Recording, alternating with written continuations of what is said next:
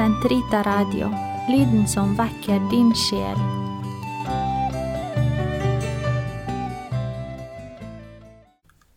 Vi er nå kommet til en ny episode i opplesningen av kompendiet for Den katolske kirkes katekisme.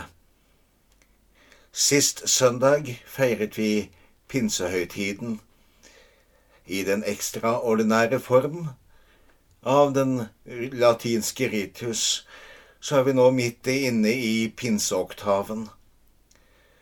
For messen av 1969 så er det ingen pinseoktav, men like fullt så vil pinsedagen få lov å prege resten av kirkeåret, for kirken er avhengig av Den hellige ånd. Vi begynner nå på tredje kapittel i første del. Jeg tror på Den hellige ånd. Hva mener Kirken når den bekjenner 'Jeg tror på Den hellige ånd'?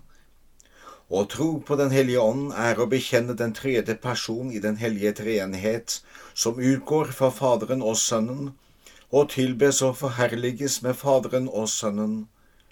Ånden blir inngytt i våre hjerter, så vi kan motta det nye liv som Guds barn.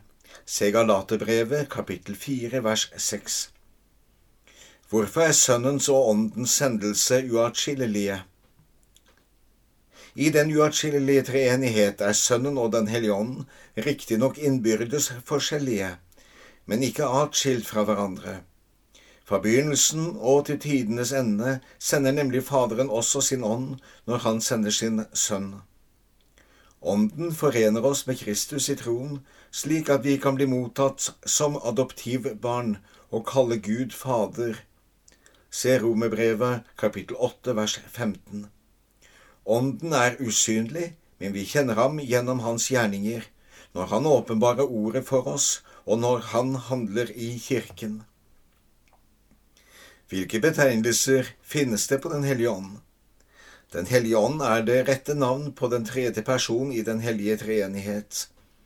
Jesus kaller ham også parakletos, som betyr trøster eller hjelper, og sannhetens ånd.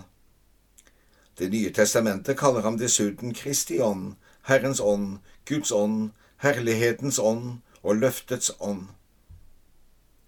Hvilke symboler finnes det for Den hellige ånd? Det finnes mange. Det levende vann som renner ut fra den korsfestede Kristis side og stiller de døptes tørst. Salvingen med olje som er farmingens sakramentale tegn. Ilden som forvandler alt den rører ved. Den mørke eller lyse skyen som den guddommelige herlighet åpenbarer seg i. Håndspåleggelsen som ånden blir gitt gjennom. Duen som ved dåpen stiger ned over Kristus og blir hos ham. Hva betyr det at Ånden har talt gjennom profetene? Med profeter forstår en dem som blir inspirert av Den hellige ånd til å tale i Guds navn. Ånden fører profetiene i Det gamle testamentet til den fullstendige oppfyllelse i Kristus. I Det nye testamentet avdekker Ånden Kristi mysterium. Hva utretter Den hellige ånd i Johannes døperen? Johannes døperen, den siste profet i Det gamle testamentet, ble fylt av Ånden. Drevet av ham ble Johannes sendt for å gjøre folket rede for Herrens komme. Se Lukasevangeliet, kapittel 1, vers 17, og for å forkynne Kristi Guds Sønns komme, han som han så Ånden stige nedover og bli hos, og som skal døpe med Den hellige ånd. Se Johannes evangeliet, kapittel 3, vers 33. Hvilket verk fullbyrder Ånden i Maria? Den hellige ånd fullbyrder i Maria Det gamle testamentets forventninger og forberedelse for Kristi komme. På en enestående måte fylte han henne med nåde og lot hennes jomfruelighet bli fruktbar, slik at hun kunne føde Guds sønn, som var blitt menneske, til verden. Han gjorde henne til den hele Kristi mor, det vil si til ho Jesu hodets mor og mor til kirken, hans legeme. På pinsedagen var Maria til stede blant de tolv da Ånden, ved å manifestere Kirken, lot de siste tider bryte frem. Hvilke forhold består mellom Ånden og Kristus, Jesus, i hans jordiske sendelse? Ved Den hellige ånds salving ble Guds sønn i sin menneskelighet etter inkarnasjon vigslet til Kristus, Messias. I sin lære åpenbarte han Ånden og oppfylte med det løftet som ble gitt til fedrene. Han meddelte Ånden til den begynnende kirke idet han åndet på apostlene etter sin oppstandelse. Hva skjedde i pinsen? 50 dager etter sin oppstandelse utøste den forherligede Jesus Kristus ånden i rikt mål i pinsen. Han åpenbarte ham som en guddommelig person, slik at Den hellige treenighet nå fullt ut ble tilkjennegitt Kristi og Åndens sendelse ble til Kirkens sendelse. Denne sendelsen består i å forkynne og utbre treenighetens fellesskapsmysterium. Vi har sett det sanne lys, vi har mottatt den himmelske ånd, vi har funnet den sanne tro. Vi tilber den udelelige treenighet som har frelst oss. Hentet fra den bysantinske liturgi, pinsevesperens troparion. Hva gjør Ånden i kirken? Ånden oppbygger, besjeler og helliger kirken. Som kjærlighetens ånd opp gjenoppretter Han i de døpte den likhet med Gud som de har tapt gjennom synden, og gir dem i Kristus å ta del i Den hellige treenighets liv. Han sender dem for å vitne om Kristi sannhet. Han grunnfester dem i deres respektive oppgaver, slik at alle kan bære Åndens frukter. Se Galaterbrevet, kapittel 5, vers 22. Hvordan virker Kristus og Hans ånd i de troendes hjerter? Gjennom sakramentene meddeler Kristus sin ånd og Guds nåde til kirkens, sitt legemes lemmer. Disse bærer frukt i åndens nye liv. Endelig er Den hellige ånd læremester i bønn. Jeg tror på Den hellige katolske kirke, kirken i Guds plan. Hva betyr ordet kirke? Det betegner det folk som Gud sammenkaller fra alle jordens kanter. Sammen danner de forsamlingen av dem som gjennom troen og dåpen har blitt Guds barn, Kristi lemmer og Den hellige ånds tempel. Finnes det i Bibelen andre navn og bilder på kirken? I Den hellige skrift finner vi mange bilder som synliggjør forskjellige, men gjensidig utfyllende aspekter ved kirkens mysterium. Det gamle testamentet fremhever de bilder som er knyttet til Guds folk. Det nye testamentet fremhever bildet som er knyttet til Kristus, hodet for dette folket som er hans legeme. Andre bilder hentes fra hyrdens liv, saueflokk, jord eller får, fra jordbruket, som åker, oliventre, vingård, fra husbygging, bolig, sten, tempel, og fra familielivet, brud, mor og familie. Er kirkens opprinnelse og fullendelse? Kirken finner sin opprinnelse og fullendelse i Guds evige plan. Den ble forberedt i Det gamle testamentet ved Israels utvelgelse tegnet på den fremtidige forening av alle nasjoner. Den ble grunnlagt gjennom Jesu Kristi ord og handlinger, og fremfor alt virkeliggjort gjennom Hans forløsende død og Hans oppstandelse. Så ble den åpenbart som frelsesmysterium ved utgytelsen av Den hellige ånd i pinsen. Ved tidenes ende vil den bli fullendt som alle de frelses himmelske forsamling. Hvilken sendelse har Kirken? Kirkens sendelse består i å forkynne Guds rike, som begynte med Jesus Kristus, og grunnlegge det blant alle folkeslag. Kirken utgjør på jorden spiren og begynnelsen til dette frelsende riket. På hvilken måte er Kirken et mysterium? Kirken er et mysterium i den grad det i dens synlige virkelighet er nærværende, en virksom åndelig og guddommelig virkelighet som bare kan fornemmes med troens øyne. Hva betyr det at Kirken er det universelle frelsessakrament? Det betyr at Kirken er et tegn og et redskap både for hele menneskehetens forsoning og fellesskap med Gud, og for den samlede menneskehets innbyrdes enhet. Kirken, Guds folk, Kristi legeme, Den hellige ånds tempel. Hvorfor er Kirken Guds folk? Kirken er Guds folk fordi det behaget Gud å helliggjøre og frelse menneskene, ikke enkeltvis og uavhengig av hverandre, men ved å gjøre dem til ett folk, samlet ved Faderens og Sønnens og Den hellige ånds enhet. Hva karakteriserer Guds folk? En blir innlemmet i dette folket gjennom troen på Kristus og gjennom dåpen.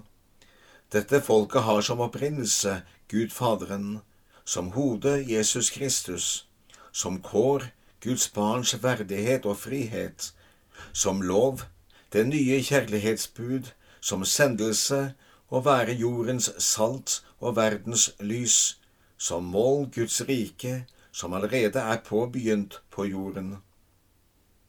På hvilken måte har Guds folk del i Kristi tre embeter, prest, profet og konge? Guds folk har del i Kristi prestelige embete, fordi de døpte blir viet av Den hellige ånd til å frembære åndelige ofre.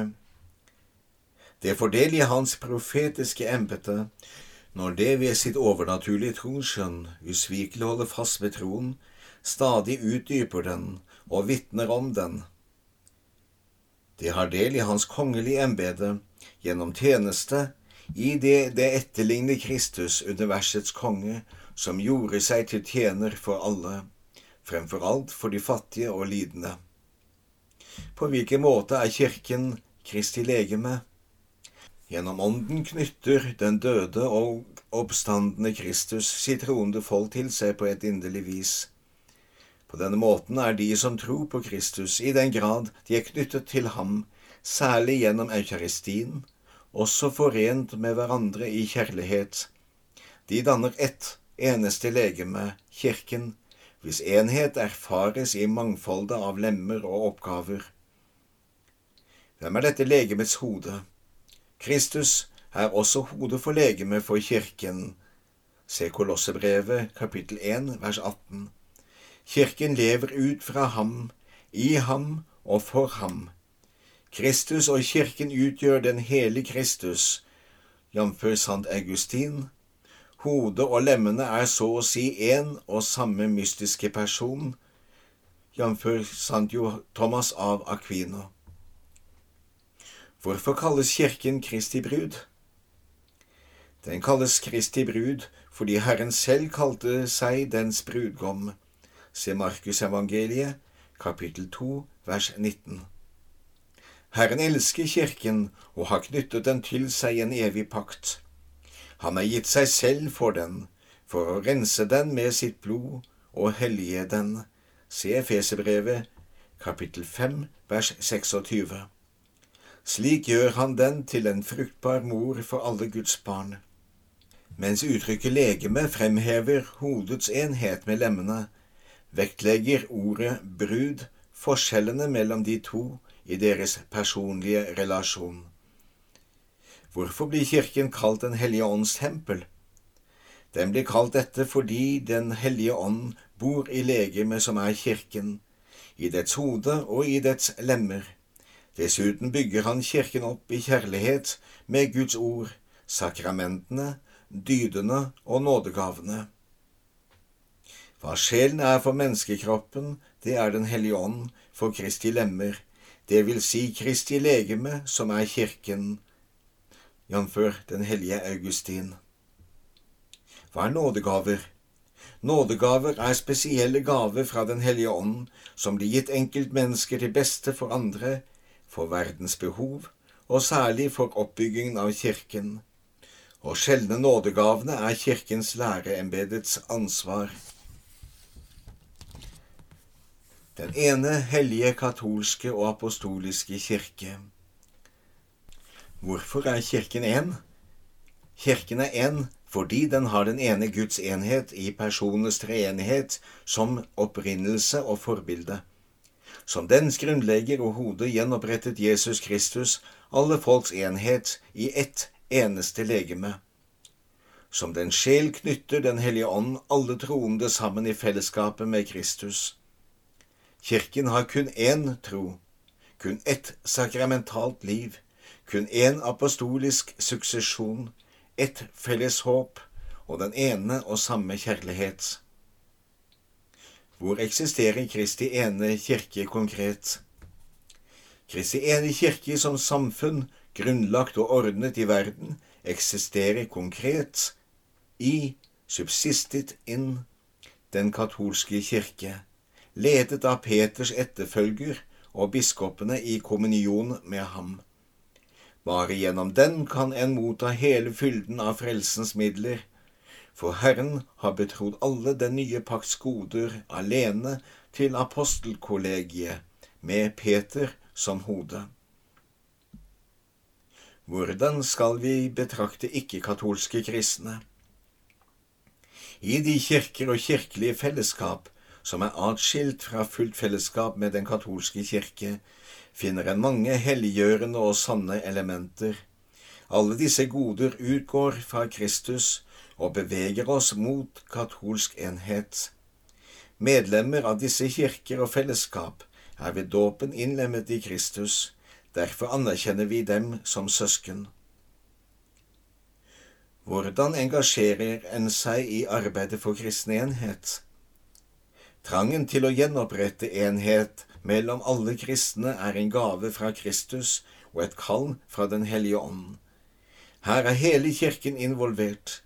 Enheten virkeliggjøres gjennom omvendelse av hjertet, bønn, broderlig kjennskap til hverandre og teologisk dialog. På hvilken måte er Kirken hellig? Kirken er hellig fordi dens opphav er den aller helligste Gud. Kristus har gitt seg selv for den, for å helliggjøre den og gjøre den til en kilde for helliggjørelse. Den hellige ånd gir den liv ved kjærligheten. I kirken finner en hele fylden av frelsens midler. Hellighet er alle dens lemmers kall og all dens virksomhets mål.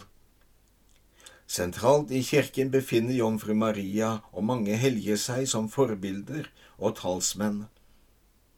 Kirkens hellighet er kilden til dens barns helliggjørelse. De bekjenner seg her på jorden som syndere og trenger stadig omvendelse og renselse. Hvorfor kalles Kirken katolsk? Kirken er katolsk, dvs. Si universell, fordi Kristus er til stede i den. Der hvor Kristus, Jesus er, der er den katolske kirke, jf. den hellige Ignatius av Antiokia. Den forkynner den hele, uforfalskede tro i sin fylde. Den bærer i seg og forvalter fylden av midlene til frelse. Den er sendt av Kristus til alle folk, uansett hvilken kultur de tilhører. Er lokalkirken katolsk? Hver lokalkirke, dvs. Si hvert bispedømme eller epiarki, er katolsk.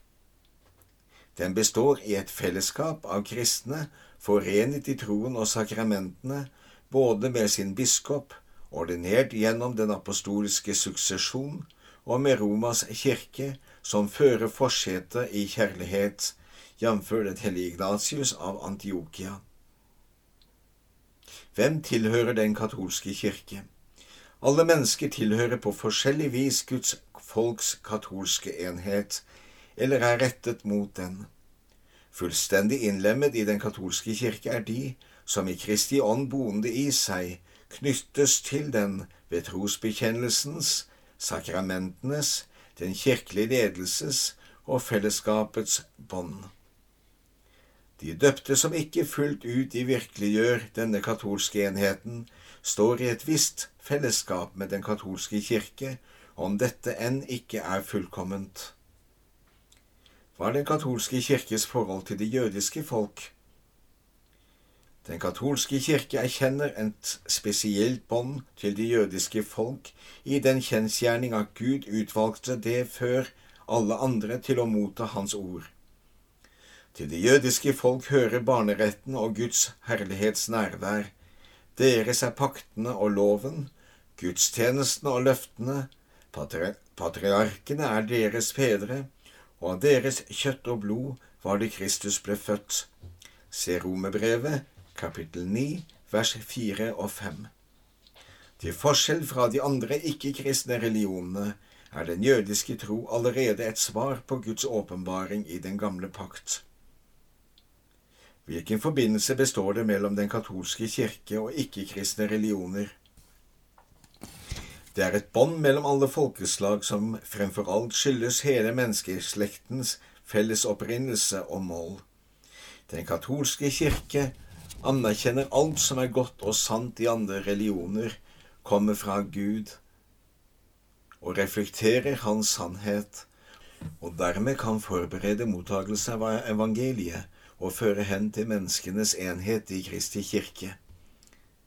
Hva betyr utsagnet 'utenfor kirken ingen frelse'? Dette utsagnet betyr at all frelse kommer fra Kristus hode, gjennom kirken som er hans legeme. Derfor skulle de mennesker ikke kunne frelses som, til tross for sin viten om at den katolske kirke er grunnlagt av Jesus Kristus og nødvendig for frelsen, allikevel har nektet å tre inn i den eller å vedbli i den. Samtidig kan de som uforskyldt ikke kjenner Kristi evangelium og Hans kirke, men likevel søke Gud av et oppriktig hjerte og under nådens innskytelser, prøve å leve etter Hans vilje, slik at de erkjenner den ved sin samvittighet, når frem til den evige frelse. Hvorfor må Kirken forkynne evangeliet for hele verden? Kirken må gjøre dette fordi Kristus har befalt, dra derfor ut og gjør alle folkeslag til disipler ved å døpe dem til Faderens og Sønnens og Den hellige ånds navn. Se Matteus evangeliet, kapittel 28, vers 19. Dette misjonsoppdraget fra Herren har sin opprinnelse i Guds evige kjærlighet. Han som har sendt sin Sønn og Den hellige ånd, fordi han vil at alle mennesker skal bli frelst og nå frem til sannhetserkjennelse. Se første Timotius brev, kapittel 2, vers 4. I hvilken betydning er Kirken misjonerende? Ledet av Den hellige ånd fortsetter Kirken Kristi sendelse gjennom historiens løp. Kristne må derfor forkynne for alle det glade budskap om Christ, som Kristus brakte, og i hans fotspor være beredt til å ofre seg selv, om nødvendig helt inn i martyriet. Hvorfor er Kirken apostolisk? Kirken er apostolisk i sin opprinnelse, for den er bygget på apostlenes grunnvoll Se Efeserbrevet kapittel 2 vers 20, og i sin lære som er apostlenes lære. Den er apostolisk på grunn av sin struktur, fordi den inntil Kristi gjenkomst blir undervist, helliget og ledet av apostlene gjennom deres etterfølgere, biskopene, i kommunion med Peters etterfølger. Hva består apostlenes sendelse i? Ordet apostel betyr en som er utsendt. Jesus, som var utsendt fra Faderen, kalte tolv av sine disipler til seg og innsatte dem som sine apostler. Han gjorde dem til de utvalgte vitner til sin oppstandelse og til kirkens grunnvoll. Han ga dem befaling å fortsette hans hendelse i det han sa, som Faderen har sendt meg, sender jeg dere og lovet å være med dem inn til verdens ende. Se Johannesevangeliet, kapittel 20, vers 21. Hva er den apostoliske suksesjon? Den apostoliske suksesjon er overdragelse av apostlenes hendelse og fullmakt til deres etterfølgere, biskopene, gjennom ordinasjonssakrament. Takket være denne overdragelsen forblir Kirken i et tros- og livsfellesskap med sitt opphav, mens den gjennom århundrene retter hele sitt apostolat mot å utbre Kristi rike på jorden. Neste uke fortsetter vi opplesningene fra kompendiet til Den katolske kirke. Og vi fortsetter da med de troende, hierarki, legfolk og ordensliv fra andre del av det tredje kapittel fra kompendiets første del og annet avsnitt.